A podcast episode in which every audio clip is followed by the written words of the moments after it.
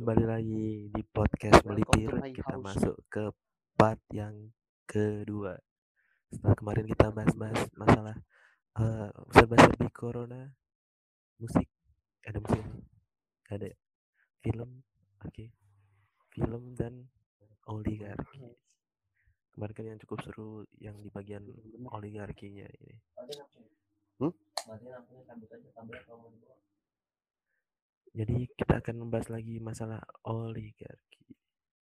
Apakah oligarki sama dengan oli samping? Waduh, mantap sekali Pak. Nice try, dude. Ya, kita akan membahas oligarki di dunia perkampusan ya. Sebenarnya nggak cuma oligarki sih yang bermasalah. Masalah demokrasi juga. Kebebasan eh, berbicara itu udah ya masuk ke tahap yang mengganggu lah kalau menurut saya. Ini nanti kita bahas juga. Betapa banyaknya para ahli-ahli Pir pir pir. betapa banyaknya para eh, ahli-ahli baru, saintis-saintis baru yang ada di media sosial, entah itu di dalam kampus atau di luar kampus. Karena kan kalau kembali ke Apakah Anda ingin menyinggung Anji? Tidak tidak Telepon yang luar biasa itu. kalau kita kembali ke nama melipir ya, kita kan eh, media alternatif gitu. Yo, yo. Kita membahas hal-hal yang sudah dibahas, tapi membahas tetap membahas. Yo. Apa sih ini? Jadi di mana ini? Eh, narasumber kita masih sama ya. Eh, apa namanya? Kawan Abing. Buset. Kenapa backgroundnya jadi pacar gue? Hati-hati ada kalau bicara. Mulut Anda kotor. Anda pantas jadi pemimpin. Ini mana ini? Kontributor. Eh, kontributor. Kawan Abing. Ya, sambil menunggu kontributor kita, ada pesan-pesan berikut ini yang yang menyponsori um, podcast melipir. Obat kuat didit. Jarum membuatmu menjadi perkasa beribu kali pak. Hercules memakainya. Wah. Obat kuat mas jarum. Oke, Temukan di toko mati atau kita Halo. balik lagi, balik lagi. Oh, bagus. Ya, selamat datang eh, tamu kita. Kemarin kayaknya saya di sini ya.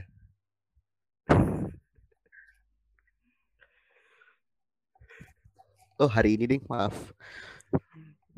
Ya, jadi ini udah udah udah beda hari, Pak.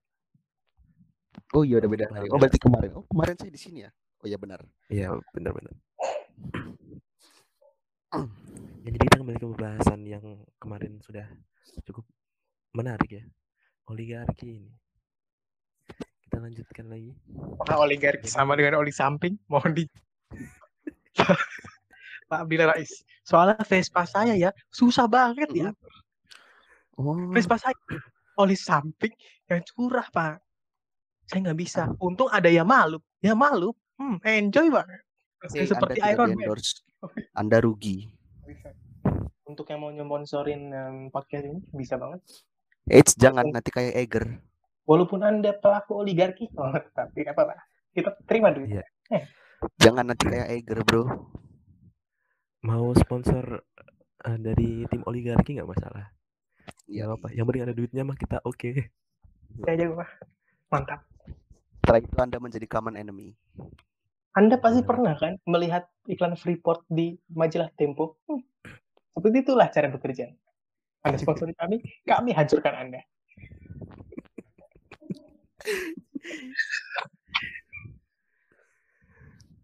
Ya, sampai mana sih kita olig bahas oligarki? Sampai mana ya? Oh iya. Hmm, kemarin ep- episode berapa tuh kita bahas tentang oligarki? Episode 4. Oh iya waktu itu ya sebelum ini malah ya sebelum ini kita bahas oligarki. Sekitar tiga abad yang lalu lah. Waktu itu ada orang ada orang Singapura tuh waktu itu. Ingat nggak? Itu masih ada Meganthropus. Ada orang banget itu. Ada orang Singapura, ada orang Jawa tuh, ada orang India, ada orang Thailand. Ya Allah, gila. Ya podcast kita udah overseas ya. Keren sekali. Gila ini podcast berapa hostnya coba? Untung udah kembali pada saya. Tenang aja semuanya. Saya Yos dan saya akan memandu Anda semua melewati Ya, masa-masa sulit Anda. Saya Yos dan ini adalah Blipir Musyrik. Yos itu kayak merek ini bahas permen, Bro. Itu Yosan goblok. Gimana nih nyari, lanjutannya? nyari N-nya susah kan. Iya susah banget, sumpah nyari N susah banget. Aduh, kenapa ngomongin ini sih? Kenapa? Nyari Lalu nama lo pakai Yos. Iya kan ada yang lain. Yosua Pahabo, Yos coba? Yosua Diobok-obok. Yosua Suherman. Kenapa nam- namanya Yos? Hmm? Kan kemarin udah dibahas. Yang Yos dan Matt udah lah nggak usah dibahas lagi.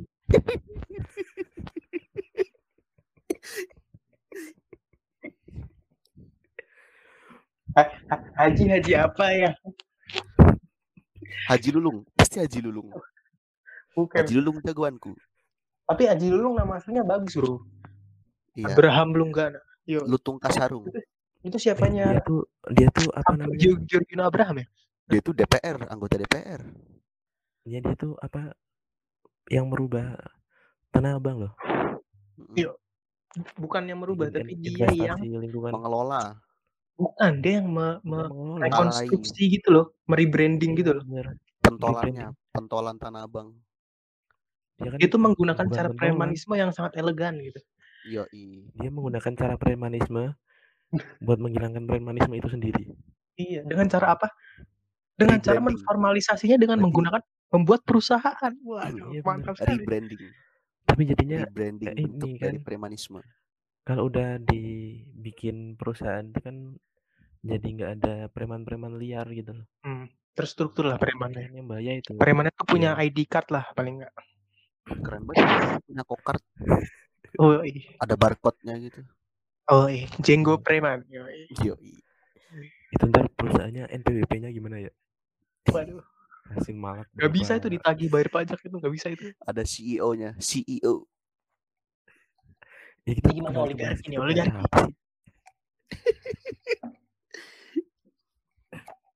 Jadi gimana?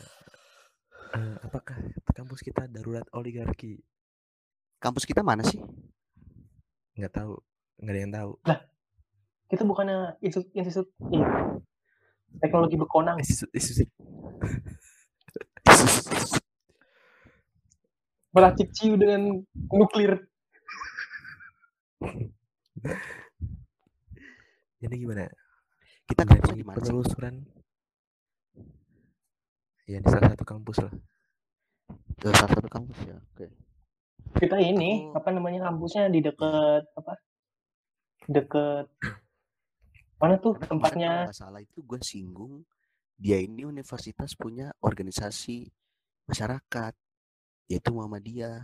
Tapi kan kita nggak tahu eh, entah itu Jogja, Jakarta, Balikpapan, Riau, Mamuju. Nggak taunya ada di ini lagi. Di apa? Salah satu negara di Game of Thrones. Waduh. Universitas Muhammadiyah. King's Landing. Waduh. Universitas Muhammadiyah King's Landing. Mobilitas rektornya naga. Waduh. UMD, Universitas Muhammadiyah Dotarki. Ya. Yoi. Nah, Mohon maaf saya tidak menonton eh, Game of Thrones jadi nggak relate. Waduh. Yo. Pasti nggak tahu yang Oh. kerdil. Ngomong-ngomong Game of Thrones, Lannister. ini juga berhubungan erat dengan oligarki. Yoi, Gimana bridgingnya bagus? Yoi. Game of Thrones kan artinya perebutan tahta. kan? Nah, kalau di kampus ini malah tidak ada perebutan sama sekali. Bahkan Tidak ada. rakyat-rakyat tidak peduli dengan Karena ya, karena ya, kenapa? Kenapa tidak ada perebutan? Karena dari mahasiswa sendiri memang sudah terbentuk apatis.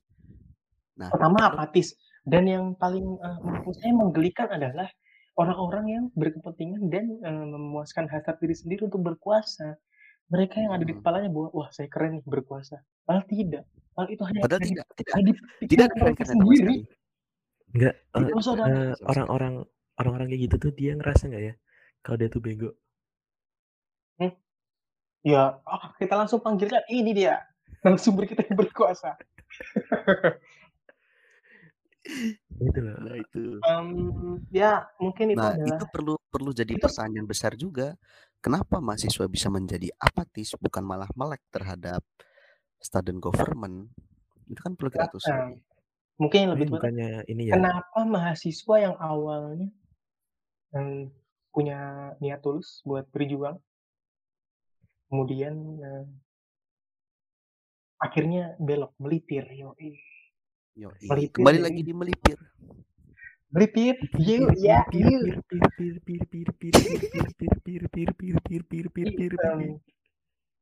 today, today aktivis, tomorrow feodalis, yoi. man.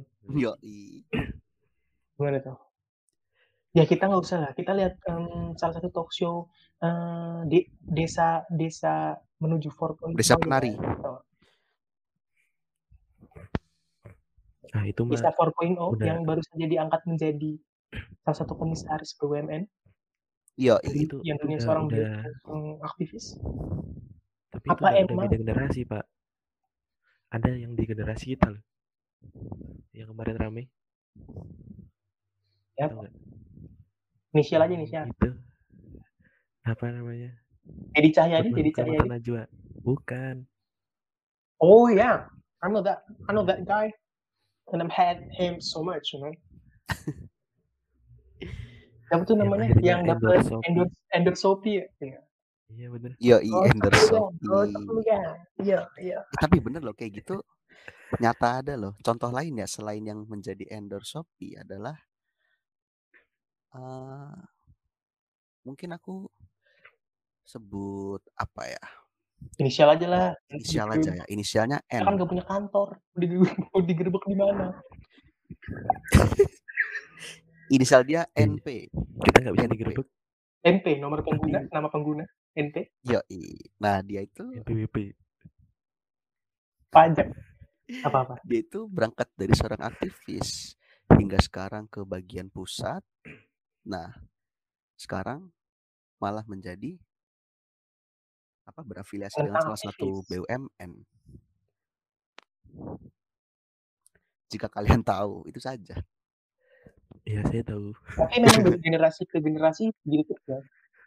Tapi Kita kalau lihat, Mesti ada yang gitu. kalau kita lihat zaman bahkan awal, pernah siapa namanya? lontar. Orang uh, keturunan Tionghoa yang terkenal. Itu Nah, Ahok. itu 100 juta untuk Anda. Uang Kan dari udah mana mati. ada 100 juta? Enggak, dia di zaman dia aja, angkatan dia, tau nggak bahwa em, dia kan seangkatan sama Gunawan Muhammad dan mereka baru sadar bahwa mereka dimanfaatkan oleh Soeharto untuk menurunkan Soekarno pada zaman itu. Jadi, emang mer- kan. jadi mereka itu disusupi oleh CIA. Yoi. Keren. Keren kan? Itu kemarin tuh yang Yosefin itu yang ngomongnya bisa macam-macam bahasa tuh itu kalau nggak Mossad itu CIA itu biasanya. Bukan Al Qaeda, Bu. Apa Taliban? Oh, dia Wow, wow, wow. masa dia eh, ini triple triple agen double agennya udah susah pak triple gimana Satu aja udah susah, Pak. iya buset Apalagi tiga. Sunah dong. Ya ini apa namanya? Bagian kanan dulu. dari eh, apa ya? Kayak gitu tuh kan gila popularitas gitu. Jadi pengen jadi iya, center anak of muda attention gitu lah. anak muda biasanya Iya. memangnya kalau kita yang eh kalau kita nih sudah tingkat makrifat membuat podcast bertiga belum lagi yang ini yang- yang banyak bahasa bisa itu terbang. nggak ada yang dengerin Iya Ya. loh. itu namanya makrifat Selain popularitas ya, mungkin menurut gua selain popularitas itu ada misi sendiri dari organisasi pendukungnya. Jadi tuntutan gitu ya. Ya, bisa menjadi suatu tuntutan sehingga dia dituntut untuk menguasai suatu apa? suatu pemerintahan. Sehingga dicapai dengan itu tadi tuntutan dan ketika sudah dibantu ya secara apa ya secara manusiawinya dia akan mengabdi kepada organisasi yang dibawa pada organisasi yang ada di belakangnya. Tapi itu itu amat tidak sehat menurut saya sendiri ya ketika berjalan seperti itu. Karena pemerintahan yang ia duduki adalah untuk mahasiswa umum bukan untuk kepentingan organisasinya. Lucu banget. Tapi menurut kalian itu tuh karena apa nih? ya, Salah satunya dampak dari dem- demokrasi nggak sih? Iyalah. Ya itu kebebasan ya. resikonya. Apa pun bentuknya Iya. kayak radikalisme, eh, fasisme dan semuanya. Ini kan demokrasi kan eh, apa yang buat ideal buat lu kan bisa diterima di sini. Semua tuh subjektif. Lu kayak di suatu di satu kayak- diskusi pembicaranya ngomong demokrasi itu memang gaduh Iya bener kan? Enggak demokrasi tuh lu kayak beli es krim polos, lu dikasih ini de- demokrasi. Lu tinggal lu bebas ambil topping aja. Mm-mm. Lu ambil bebas mau. Kan zaman sekarang kan ada tuh yang eh, apa namanya? Orang orang rad- apa namanya? eh, kita sebut konservatif secara ajaran agama, tapi punya pandangan liberal terhadap ekonomi kan. iya iya benar benar. Maksud ya kita lah kita ini salah satu eh, Arab berarti- Saudi misalnya. Kita pelaku liberal Ya, ya secara mungkin ya kayak Arab Saudi gitu. Itu kan secara keagamaan mereka kan konservatif kan. Tapi secara ekonomi yang enggak. Ekonomi yang main di di mana di minyak gitu kan. Ya itu udah salah satu itu walaupun si itu nggak menganut demokrasi ya si Arab Saudi tapi dia kena cipratan juga tuh. Karena Jadi kita gini, bisa mix and eh, match asik. iya, salah satu dampak dari demokrasi ini kan jangan ditiup-tiup. eh. Eh, jangan bernapas di telingaku. Asyhadu Allah. Karena gini, kalau demokrasi itu kan yang memimpin itu bukan yang paling Iya, ya, Suara paling yang memimpin adalah suara yang terbanyak bukan suara yang terbaik. ya paling heeh, paling populer Hmm. Gitu. Dan orang populer itu kan biasanya ya kurang kembali lagi kepada ini eh, peradaban oh, maksudnya kepada kebudayaan mas bawa pesan ini. Allah Allah Allah neraka neraka. Ya kita lihat ya gitu apa namanya di era demokrasi ini era keterbukaan informasi gitu kan. Banyak yang apa ya eh, kalau kata modernnya itu key opinion leader. Apa tuh? Apa itu Apa tahu orang-orang yang sukanya baca dan menggiring opini orang-orang lain gitu loh. lah kita dong. Ya opini mereka ya bisa saja. Ya ya kita ini. kita ini lagi giring opini. Iya dong jelas dong. Loh kita mah jujur aja. Yoi. Yoi. Enggak masalahnya kalau misalkan ada kepala daerah yang bilang ya aduh gua mah kagak bisa apa-apa dah.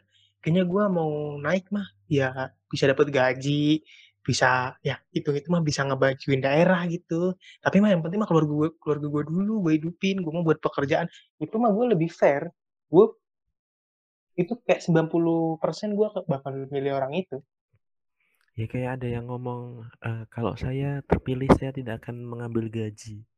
Yang gajinya nggak lu ambil, ya tapi proyekannya lu ambil.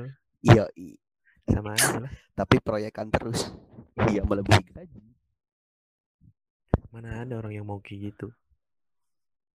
Udah gak ada. tapi kita Gitu kita udah di zaman yang yang nggak bohong lah kalau orang misalnya bilang "Em, duit tidak bisa membeli kebahagiaan ya Ya itu bohong banget. tapi anda butuh 10 miliar untuk bahagia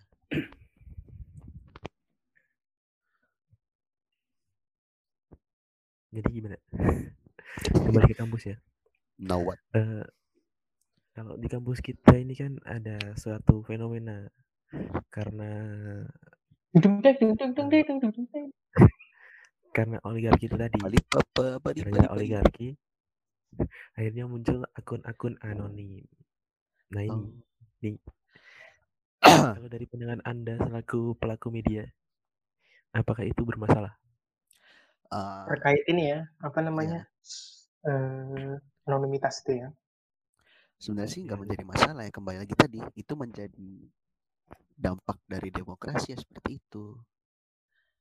Itu malah ah, untuk mendapatkan isu yang lebih up to date ya. Kadang saya juga lebih tahu dari akun tersebut gitu loh. Oh ada ada isu ini tuh terus kita dalami kita olah kita dalami lagi kita cari fakta-faktanya di situ. Malah Eh, tapi secara tidak langsung mereka berguna itu loh untuk keberlangsungan pencarian isu kami. Gitu. tapi ini eh, gua gua balik gua balik ke episode yang lalu ya di mana si Josephine itu bilang Josephine apa? Yosefat itu yang bilang kemarin? Yang mana pokoknya Indonesia itu masih belum apa ya belum belum mampu mengadopsi Yosefin tuh, Yosefin. demokrasi. Ya biasalah orang-orang luar orang Singapura. Tuh nganggap kita kan terbelakang kok orang Singapura lebih tahu ya terkait orang Indonesia ya loh jangan dia dia kan Intel triple ini triple A ya ya kan akhirnya apa namanya yang akun anonimus itu kan jadi semacam key opinion leader ladu eh opinion leader baru. Ah gitu. Iya bener kayak malah kadang mereka bisa lebih dipercaya daripada lembaga yang resmi. dan kadang nggak ada hubungannya gitu kayak eh, itu kayak kayak kayak kayak apa misalkan ya? ada pemimpin daerah dan isu kangkung. Kan? Nggak ada kayak hubungannya konspirasi nggak ada aja hubungannya gitu. Kayak apa narasi konspirasi itu kan nggak ada nyambungnya. Apa hubungannya corona men- menara 5G nggak ada hubungannya betul. gitu loh. Nggak ada hubungannya kan? Ya nggak tahu sih. Siapa tahu ada hubungannya. Semua kan bisa dihubung-hubungkan lagi oleh si klepon meletup gitu apa dia namanya? Klepon lagi zamannya hubung-hubungan kok Iya gitu. Lalu sih. Kalau kata Adriano Colby itu siapa tuh? Itu bagus. Eh nggak ada yang tahu ini. Om-om guru tuh. Diono Ihsan Kalbi. Adalah bapak-bapak mirip Aryo Wahab KW 13 kalau anda tahu The Danish Company mirip seperti itu. Kata dia kayak gini dan kita merasakan itu loh. demokrasi itu bagus di mana kita bisa bebas bicara gitu bebas ngomong. Tapi pada akhirnya eh ya yang tai-tai ya juga ngomong juga gitu. Ya itu. Ya. Dan mereka lebih dipercaya. Fenomena yang akun anonimus itu lebih diper- dipercaya itu kan sama aja kayak pemerintah undang influencer buat eh, promosi vaksin tapi kan influencer nggak anonim dong Iya, cuma bedanya kan gitu. Tapi kan intinya kan sama-sama populer. iya sih benar kayak teori kepemimpinan led by popularity waduh mantap Apa itu? pemimpin terbuat eh apa ya pemimpin terbentuk karena suatu popularitas. Kayak kepemimpinan kayak kepemimpinan. Nah, terbuat gaya kepemimpinan kok teori. Itu terbuat dari ini. Ya sebenarnya yang kuliah sosum siapa? Saya apa anda? Saya ini teknik pengolahan ciu loh. Waduh. Waduh. Ya itu. Harusnya kan mahasiswa kan lebih percaya ke apa ya? Orang-orang yang expert ke lah. Ya, ini masih awal tadi gue kan kemarin nggak ada ya gue tuh mau eh, salah satu tulisan yang gue discover gue apa namanya gue jelajahin eh, yang gue dapat dua nih dari lu tahu penulis Arma apa 24 jam bersama Gaspar Iya, Sabda Armadio. tulisannya tuh ada dua yang pertama yang gue suka ternyata gue baru tahu tapi artikelnya padahal udah udah dari tahun-tahun kemarin itu judulnya Bantar Gebang dua hari tiga hari untuk selamanya Oh, itu gue baca itu, gue baca itu. itu apa ya itu uh, jurnalisme gaya yang gue seneng lah. Itu buat lu aja nih. Nih, hey mas, mas apa? CEO, CEO, CEO media. Gimana?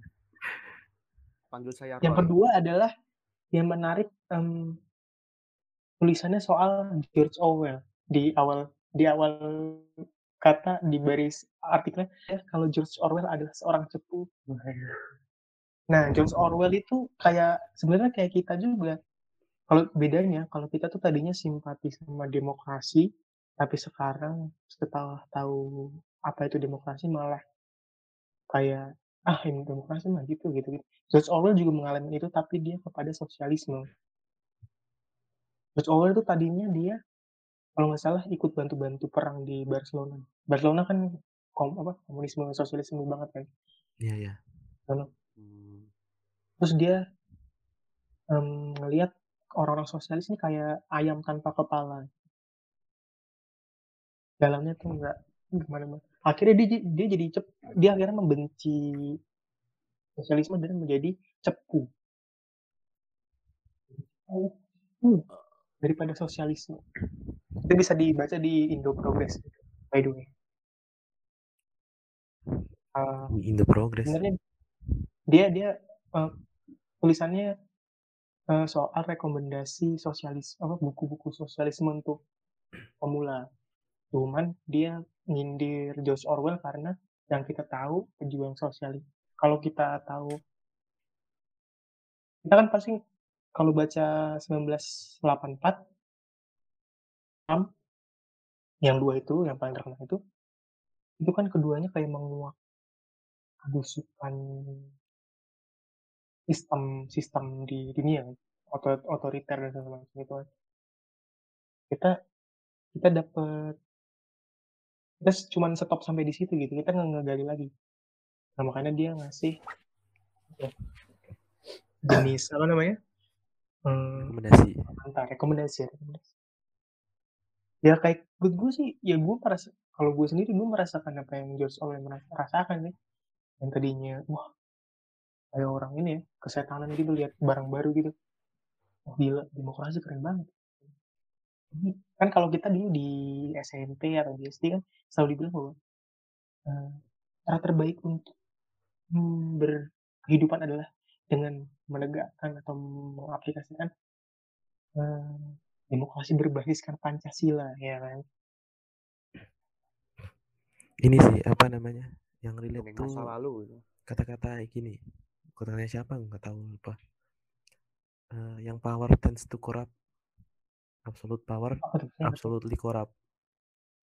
Tahu nggak? Power absolutely korup korup iya jadi ke ke kekuasaan itu cenderung ke korup ke kerusakan Iya benar, benar. Dan kekuasaan yang absolut pasti akan menyebabkan kerusakan.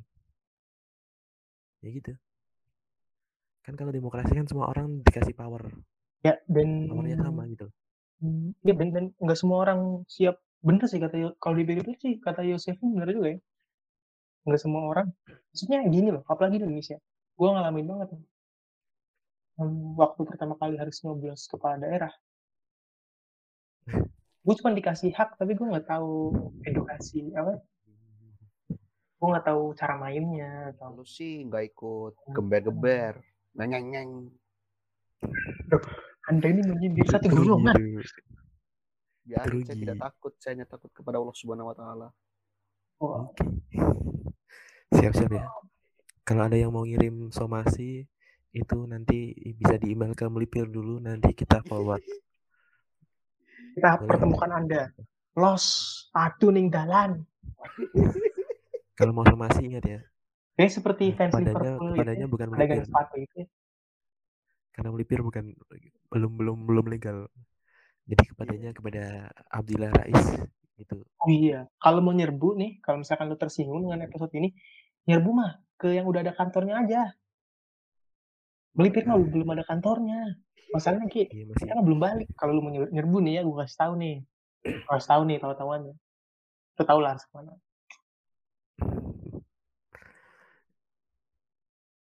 Ya itu gimana gimana? Sampai mana tadi kita? Kita sampai kepada ya itu. Ternyata itu tadi tidak sebenarnya sebaik yang kira kekuasaan menyebabkan kerusakan ya. Sepertinya itu sudah terjadi di kampus kita. Waduh. Mantap sekali mas ya. Apa yang tadi di, di TB Institut Teknik Bekonang ya? Jadi Iya. ada ini oh sorry UMD US Muhammadiyah Dotarki deh. Terjadi kerusakan di mana kerusakannya itu adalah kerusakan kepercayaan itu benar-benar kental terjadi di mana rusaknya kepercayaan kepada lembaga yang legal ya. yang dianggap ini di Skandinavia kan? Wah. Universitas Muhammadiyah Skandinavia. Muhammad Jangan disingkat. oh iya Yunus Muhammadiyah Stockholm yo eh bukan Jangan disingkat. Universitas Muhammadiyah Somalia. Zimbabwe waduh Ya silakan dilanjutkan. Itu kerusakan yang terjadi adalah kerusakan kepercayaan. Karena kekuasaan itu sudah terlalu ajak berdiri di student government tertinggi di kampus kita. Itu sehingga ya yang tahu dari golongan-golongan itu saja. Golongan lain hanya tahu dan ini ya sifatnya eksklusif ya. Maksudnya nggak ada minat buat ya kalau mereka tahu maksudnya kalau orang-orang ini tiba-tiba menjadi eh, antusias dan tidak apatis kan merasa terancam juga tuh kekuasaannya. Jelas. Gue mikir ya orang-orang yang ada di sana tuh. Anjir lu bisa mikir. Gokil. Bisa mikir lu. Keajaiban dunia ke-13 Ya, lanjut lanjut lanjut. gue mikir ya orang-orang yang ada di atas sana ya mereka saat ini udah menjadi common enemy lah istilahnya. Asik komen enemy bahasa lu bang bang. Musuh bersama yo eh yo itu mereka kalau mau mau makan siang nih ketemu gerombolan minder nggak ya? Eh, anjir. Itu mah benci gue bukan ya? Kalau benci tiba-tiba digebuk mampus. Itu mah masalah keinsekuran diri sendiri sih kayak kalau dia merasa bahwa anjir gua- kayaknya gue dimusuhin berarti dia salah berarti enggak berarti dia nggak sadar diri sadarkan Sebenarnya apa ya? eh, ada solusi yang bisa diterapkan gitu. Dan itu apa namanya? Terinspirasi dari pemerintahan kita. Kalau ada trust isu ya pakainya buzzer dong. kalau ada Apalagi- trust isu ya sama sih kayak negara Republik India. negara kesatuan Republik India. Kan sebenarnya buzzer itu sudah sudah sempat terjadi ya. Ini secret aja. Secret tapi didengerin banyak orang sama aja. Kan ada yang namanya rahasia umum. Eksklusif. Yoi. Nanti ini jadi apa thumbnail. buzzer itu sudah terbentuk. Namun emang di kampus ini di Stockholm ini ada apa? Ada apa namanya? Ada buzzernya ya. Anjir MU udah mulai. Kelihatan lah. So akun buzzer itu kelihatan ketika mereka memutarbalikkan fakta. Kelihatan banget. Dan terkadang bukan terkadang sih memang terjadi. Mereka kalah oleh akun-akun oposisi yang lebih kuat suaranya. Lebih bisa menggalang suara lah karena kan memang seperti itu ketika seseorang oposisi menggalang suara emang lebih mudah karena membongkar keburukan suatu birokrat. Enggak, karena populis. ya itu juga Kalau- Iya, kalau- populis. bener ya bener populis. Eh gini deh enggak kalau masalah yang membongkar-bongkar ini sekuat apa pun lu sekuat apa pun bukti di tangan lu sekuat apa pun argumen yang lu punya sekuat apa pun lu bisa ngebongkar itu kalau berdasarkan populisme ya nggak bakal bisa lah. populisme kan berdasarkan pada kefanatikan Iya, makanya. tapi mereka berhasil menggalang suara banyak seperti itu ya kan siapa tahu ini apa eh, surat Eh, suara kayak sasetan gitu kayak bisa beli lima. Ini apa tiga namanya? gitu Kalau kalian kalau kalian Kap- ini ya, KPUM minta maaf kalian melihat ngelihat apa namanya narasi-narasi yang dibawa sama oposisi sebenarnya nggak ada yang dibongkar Iya. itu nggak Ya benar emang. pembongkaran gitu loh kebongkarnya itu nanti tapi mereka tuh bikin narasi dulu narasi populis Eh, apa ya Eh, Jangan yang bahaya dong. Ini kan baru merintis. Iya dong, masa udah digusur aja. Kalem-kalem ya lah. contohnya eh, petahana Contohnya nggak nggak McDonald. petahana nggak Donald Trump lah, ya, misalnya Donald ya Trump. nggak membela Hmm, petahana nggak membela rakyat lain sebagainya. ada McGregor. permasalahan diem aja gitu malah ngupi-ngupi Nah, kan cuma itu yang disampaikan nah terus dari rakyat yang ngerasa satu suara akhirnya mereka buka suara gitu loh karena mereka merasa ada temennya Ya betul. ya gitu Ya, istilahnya gini loh. Waktu dulu kan kalau orang bego mah sendiri-sendiri aja. Kalau sekarang gara-gara ada keterbukaan, apalagi zaman-zaman eh, persambungan orang nih gara-gara internet. Jadi yang bego jadi bro. Yang bego tuh jadi wah punya temen. Iya bener. Kalau di beatnya Adriano Colby kan eh, flat earth tuh ada gara-gara ih dia percaya flat earth. Gue juga nih. gitu. Nah, jadi orang bodoh tuh bersatu. Gitu. Dan ketika, ketika Orang orang bodoh bodohnya bersatu tak bisa ketika orang bodohnya lebih banyak daripada orang yang pinter, nah tetap kebijakan yang dipilih kan berarti yang bodoh kan. Nah itu demokrasi.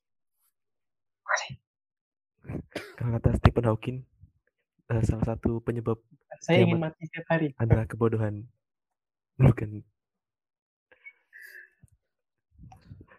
ini sih apa ya bener karena kalau kalau kita lihat sejarah ya tahun 98 itu itu kan diawalinya sama demo dulu. Ada demo dulu baru itu baru semua turun ke jalan. Berarti Iya, semua betul. berangkat dari populis yang merasa satu kan lama. Iya bener. satu satu visi misi lah, satu kekecewaan. iya. Iyalah musuh musuh lo. Musuh bersama. Musuhnya musuh lo adalah musuh bersama. Yoi, Uncle Mutu kayaknya itu pernah ngomong gitu. Ah, nasi goreng ada. Rendang ada. Ayo, ayo, ayo, pilih. Apa boleh buat ini? Ada banyak pesanan. ya itu kan lagi ya Eh, narasi awalnya itu bukan data mereka nggak buka apa-apa. Cuma buka diskusi aja cuma ngasih cuma ibaratnya cuma ngelempar narasi doang narasinya Benar. narasi kosong Ntar, ntar namanya digoreng. iya Misalkan kangkung itu, sampai, sekarang saya nggak ada ini kangkung ya. Yoi, jadinya cah kangkung. Ih, Tidak tahan, saudara-saudara. Ya Allah, udah menunggu banget. Kenapa sih harus kangkung itu kenapa susah-susah dicerna? Aduh. Kan jadi nggak enak. Apa dari mana tadi kita Antara oligarki dan oposisi lebih baik mana? Ingat kata Stephen Hawking. Anda boleh tidak bisa berjalan, tapi otak selalu berjalan. Lihat, bisa bilangin nggak dia bunuh dirinya gimana Gue pernah baca di IG, Stephen Hawking itu pernah bikin pesta, dia ngundang orang dari masa depan wow. bener untuk ngundang tapi caranya main blowing loh Heeh. Pestanya hari ini, ngirim undangannya besok.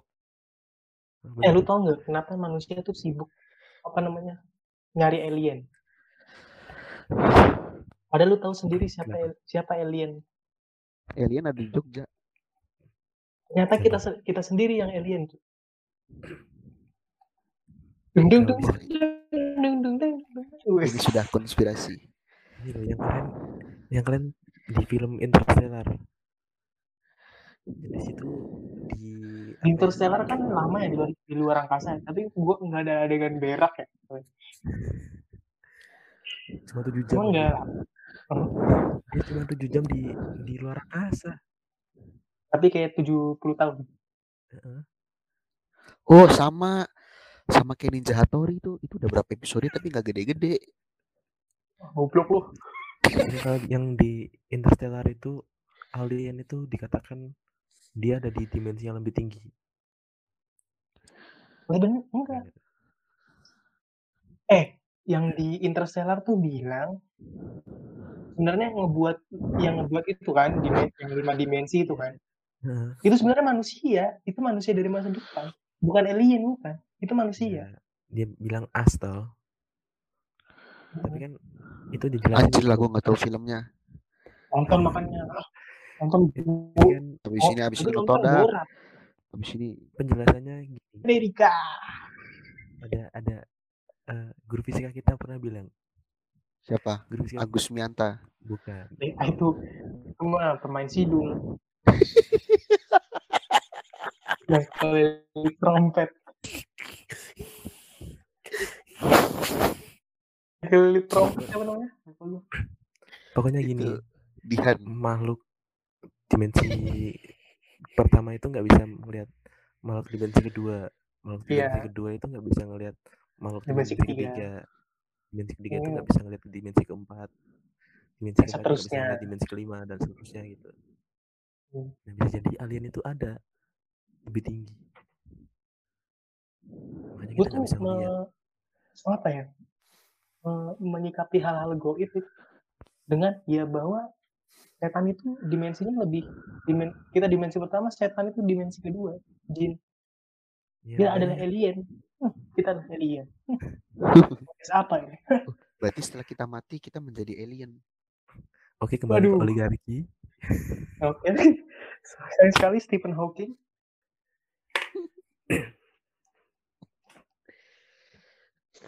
jadi apa nih tadi? Gimana Antara konklusinya Konklusinya apa? Konklusinya. Sosialis. sebagai sebagai ketua dari media massa yang terpercaya apa yang sebenarnya ingin disampaikan oleh media Anda dan apa usulan atau usaha untuk menangkap oligarki tersebut? Apakah oligarki tersebut sudah terungkap atau belum? Oh iya. Eh, sebenarnya inti dari yang ingin saya sampaikan ya, eh, saya tidak mendukung oligarki atau membenci suatu oligarki. Tapi ketika kemaslahatan banyak orang ditumbalkan untuk kemaslahatan suatu organisasi pendukung, itu amat tidak sesuai dengan sistem demokrasi yang kita punya sama sesuai dengan apa perangkat kerja yang mereka miliki karena ketika mereka Jadi menurut Anda semua yang digambar-gemburkan oleh anggota organisasi tersebut adalah omong kosong yang mereka utamakan sebagai em, berlomba-lomba dalam kebaikan dan sebagainya. untuk omong kosong atau tidaknya itu kami belum menemukan fakta baru ya karena kebetulan dia istilahnya masih bayi baru lahir Waduh, dimomong dulu kita lihat Oke, dulu ke langsung. depannya langsung bisa lari tuh. Yesus dong. Yesus ngomong goblok. istilahnya ketika memang porsi kerjanya untuk untuk mahasiswa luas ya letakkan porsi kerjanya di situ tidak dengan mementingkan kelompok lain itu amat tidak sehat. Semakin lama jika ini terus menerus dijalankan ya mau seapatis apa lagi mahasiswa di kampus kita? Mau sebodoh amat apa lagi? Ntar lama-lama yang penting gue lulus. Gini gini gini gini. Student government gak ada. Karena hanya dikuasai. Adanya student government pun terlihat tidak berguna ketika tidak dipercayai mahasiswa umum hanya bekerja sesuai tupoksi tapi tidak ada apa istilahnya tapi tidak ada dampak yang serius bagi mahasiswa umum gitu Ya begitulah kesimpulan dari saudara Abdullah Rais. Ya, kesimpulannya cukup epic ya.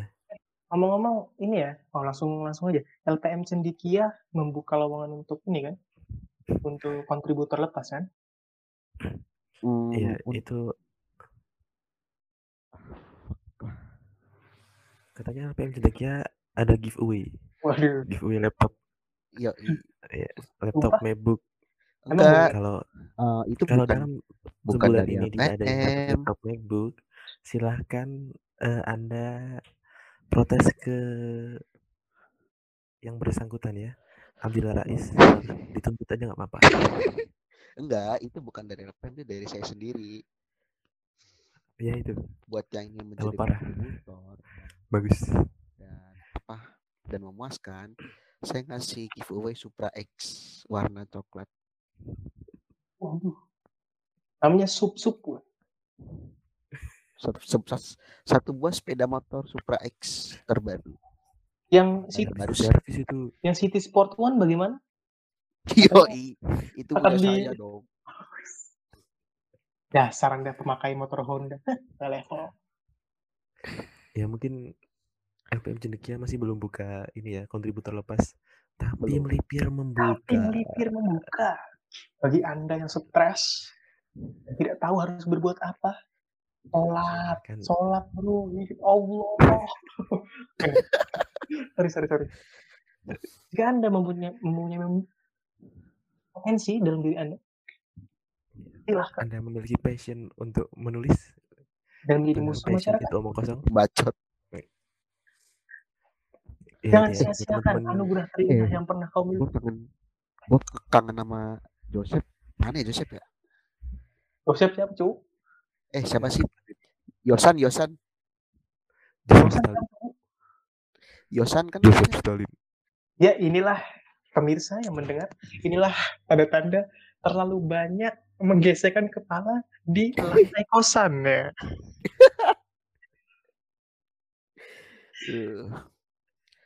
Saya tuh pusing. Pusing, pusing. Iya. Yoi. saya nggak marah, tapi jegril lebih jegril. Pusing mikirin kawan saya, saya itu. Jadi kawan saya itu menitipkan kamar kepada saya. Tapi eh, Oh ya, ada ikan mau lewat, ada ikan mau lewat. tapi kamar itu Kos-kosan ibu notaris. yo Jadi Jadi kamar gue jadi tempat bersalin anjir. Eh, jangan Ibu di di kamar itu jadi tempat bersalin, jadi tempat ya pengasuh bayi. tempat jin buat anak lah ya. Ini Yoi. dua ini kan jin nih dua-duanya. Berpahala loh. Hei, mari kita sudahi. Dan tadi kita mau closing itu jadi. Gitulah, Intinya jadi saudara-saudara. Saudara dan setanah air. Kalau Yoi. kecuali Anda orang Singapura. ya itu ya buat teman-teman apabila tertarik untuk membaca tulisan-tulisan dari kontributor melipir.co bisa langsung eh, masuk aja ke melipir online.wordpress.com Masuk ke lat mana? Pintu depan, pintu belakang. terserah lu dah ya, Mas Abdillah Rais pilih tirai nomor satu atau tirai nomor tiga. nomor tiga atau yang di kantong saya Gak bisa tidur. Gak bisa tidur. Gak bisa. Ya, ternyata isinya adalah zong. Ya ya teman-teman terima kasih sudah menonton you on the next apa ya on the next episode Guys. doakan kita bisa Doakan kita selamat setelah ini. buat teman-teman yang ini ini ya kita disclaimer buat teman-teman yang merasa tersinggung silakan langsung eh, email aja ke melipirko at gmail.com Dan ingin mengklarifikasi. ya kalau mau klarifikasi podcast kita juga open. Ya, i- nanti kita bikin podcast sendiri tapi kita nggak upload. Tapi tapi Anda tidak menjadi botak. ya. Kalau itu ya terima kasih sudah menonton. See you. Goodbye. Udah closingnya gitu doang. Kan ada bumpernya lagi Nggak ada jalal waton gitu.